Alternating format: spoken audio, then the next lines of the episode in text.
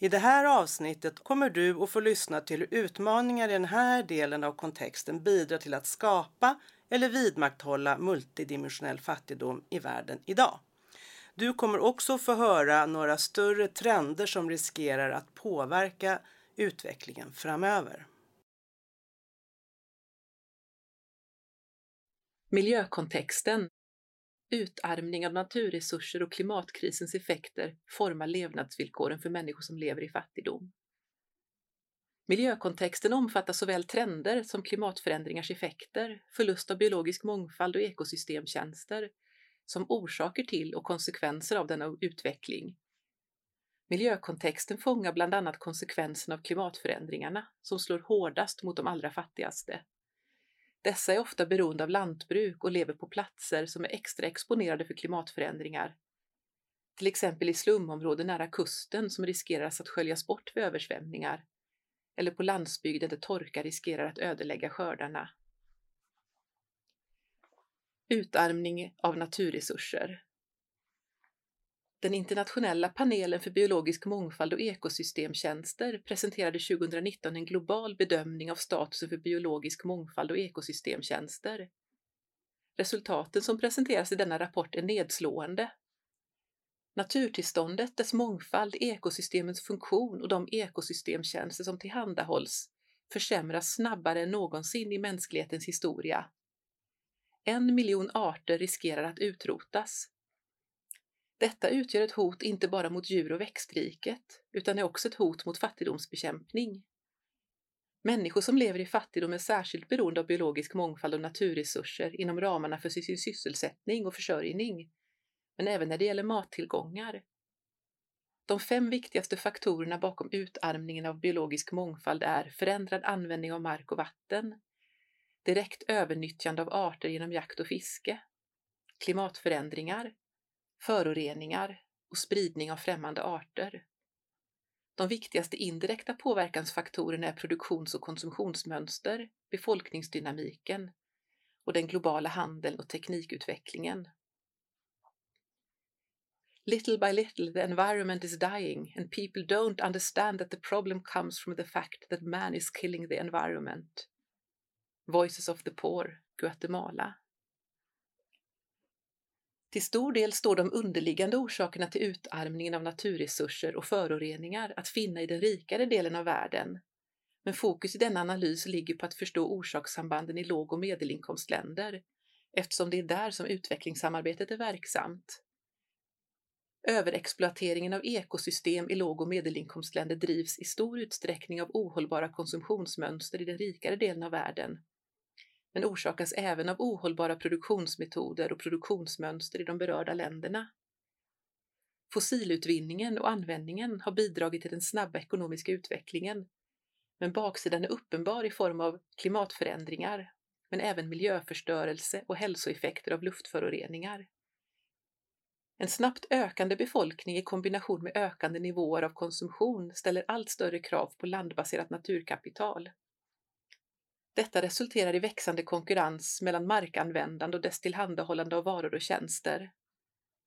Konkurrensen ökar mellan efterfrågan på varor och tjänster som gynnar människor, som mat, vatten och energi, och behovet av att skydda andra ekosystemtjänster som reglerar och stödjer allt liv. Användningen av hälsofarliga kemikalier i material och tillverkningsprocesser är stor och en mycket stor del av den globala produktionen sker i Kina och Sydostasien där lagstiftningen inte är lika stark som i Europa. Människor som lever i fattigdom är oftast i större grad utsatta för riskerna från produkter som innehåller miljö och hälsofarliga kemikalier eftersom lagstiftning och kontrollsystem är svaga i många låginkomstländer. Förlusten av biologisk mångfald har tilltagit de senaste 50 åren, bland annat genom intensifierat jordbruk, uppodling av gräsmarker och avskogning som har lett till förändrad markanvändning. Allt intensivare brukningsmetoder med ökad användning av handelsgödsel och bekämpningsmedel minskar utrymmet för många arter ytterligare.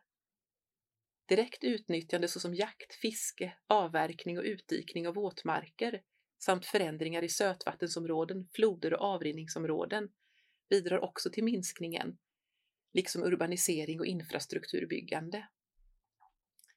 Klimatförändringar är nu en direkt orsak med ökande negativ påverkan på den biologiska mångfalden.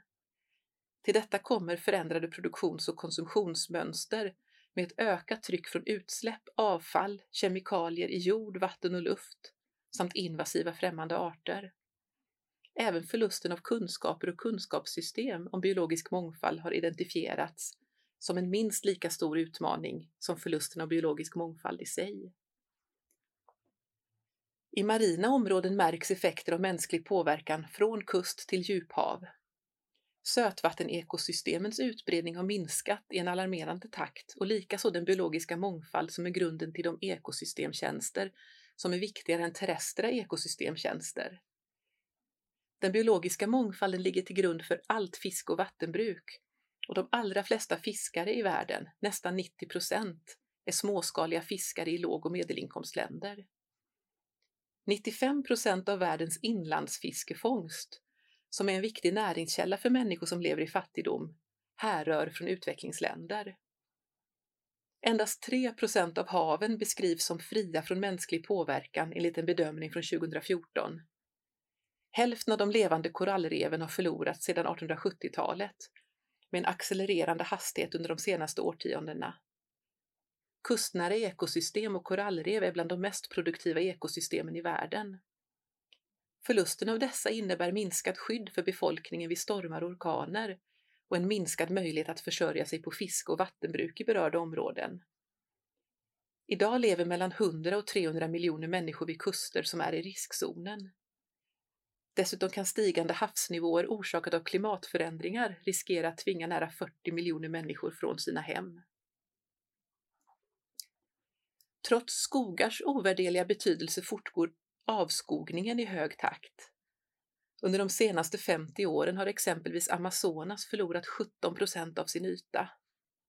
Avskogning bidrar till utarmning av biologisk mångfald, ökenspridning, översvämningar och utsläpp av växthusgaser. Några orsaker till avskogning är expansion av jordbruksmark, utbyggnad av infrastruktur, gruvdrift och direkt, till stor del illegal skogsavverkning. Detta sker världen över, men problemen är extra allvarliga i världens tropiska regnskogar, då dessa utgör hem åt stora delar av världens biologiska mångfald som inte finns någon annanstans. Markförstöring bidrar till klimatförändringarna och påverkar levnadsförhållandena för miljoner människor, särskilt människor som lever i fattigdom, inte minst kvinnor och barn. Utarmningen av naturresurser påverkar försörjningsmöjligheter för många människor som lever i fattigdom. Ibland är knappheten förknippad med boskap och överbetning eller utarmande av jorden, vilket i längden minskar möjligheten att leva på ekosystemtjänster. Föroreningar av mark, luft och vatten. Den övergripande trenden är att föroreningar och plast i sötvattendrag och hav fortsätter att öka. I haven flyter mer än 150 miljoner ton plast runt och varje år ökar mängden plast med mellan 5 och 13 miljoner ton. Föroreningssituationen har försämrats sedan 1990-talet i nästan alla floder i Latinamerika, Afrika och Asien. Tiotals miljoner personer är i riskzonen för hälsoproblem genom kontakt med förorenat ytvatten på dessa kontinenter. En markant ökning av obehandlat avloppsvatten påverkar inte bara kvaliteten utan även mängden vatten som är tillgängligt för människors behov samt för att upprätthålla ekosystem. De högsta nivåerna för luftföroreningar i städer finns i låg och medelinkomstländer i östra medelhavsområdet och Sydostasien, följt av städer i västra Stilla havsområdet. De flesta dödsfall kopplade till luftföroreningar sker i utvecklingsländer, där lagstiftningen är svag eller inte tillämpas, där kraven på fordon är lägre och där koleldade kraftverk är vanligare. Klimatförändringarna och deras effekter på människor som lever i fattigdom. Environmental issues are not prioritized and are largely neglected. Hence, coping capacity to deal with climate-related risk is extremely weak. Sidas analys av den multidimensionella fattigdomen i Afghanistan 2017. Gränsöverskridande utsläpp av växthusgaser har ökat med 1,5 procent per år under det senaste decenniet. Denna globala uppvärmning har under de senaste decennierna lett till en minskning av snö och istäcken och glaciärer, minskning av arktisk havsisutbredning och tjocklek och ökad permafrosttemperatur. Detta har i sin tur lett till en stigande global genomsnittlig havsnivå som har ökat risken för extremväder, inte minst i kombination med förändrade havsnivåer och havstemperaturer. Kustekosystem påverkas av havsuppvärmningen, inklusive intensifierade marina värmeböljor, försurning, syreförlust, salthaltintrång och havsnivåhöjning. Låginkomstländer drabbas hårdare och grupper som lever i fattigdom är de som drabbas hårdast av klimatförändringar. Klimatförändringarna drabbar människor i fattigdom på fler än ett sätt.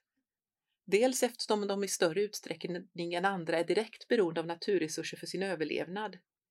Dels leder degradering av ekosystem genom överexploatering, markanvändning och klimatförändringar till underminering av hållbar och jämlik utveckling.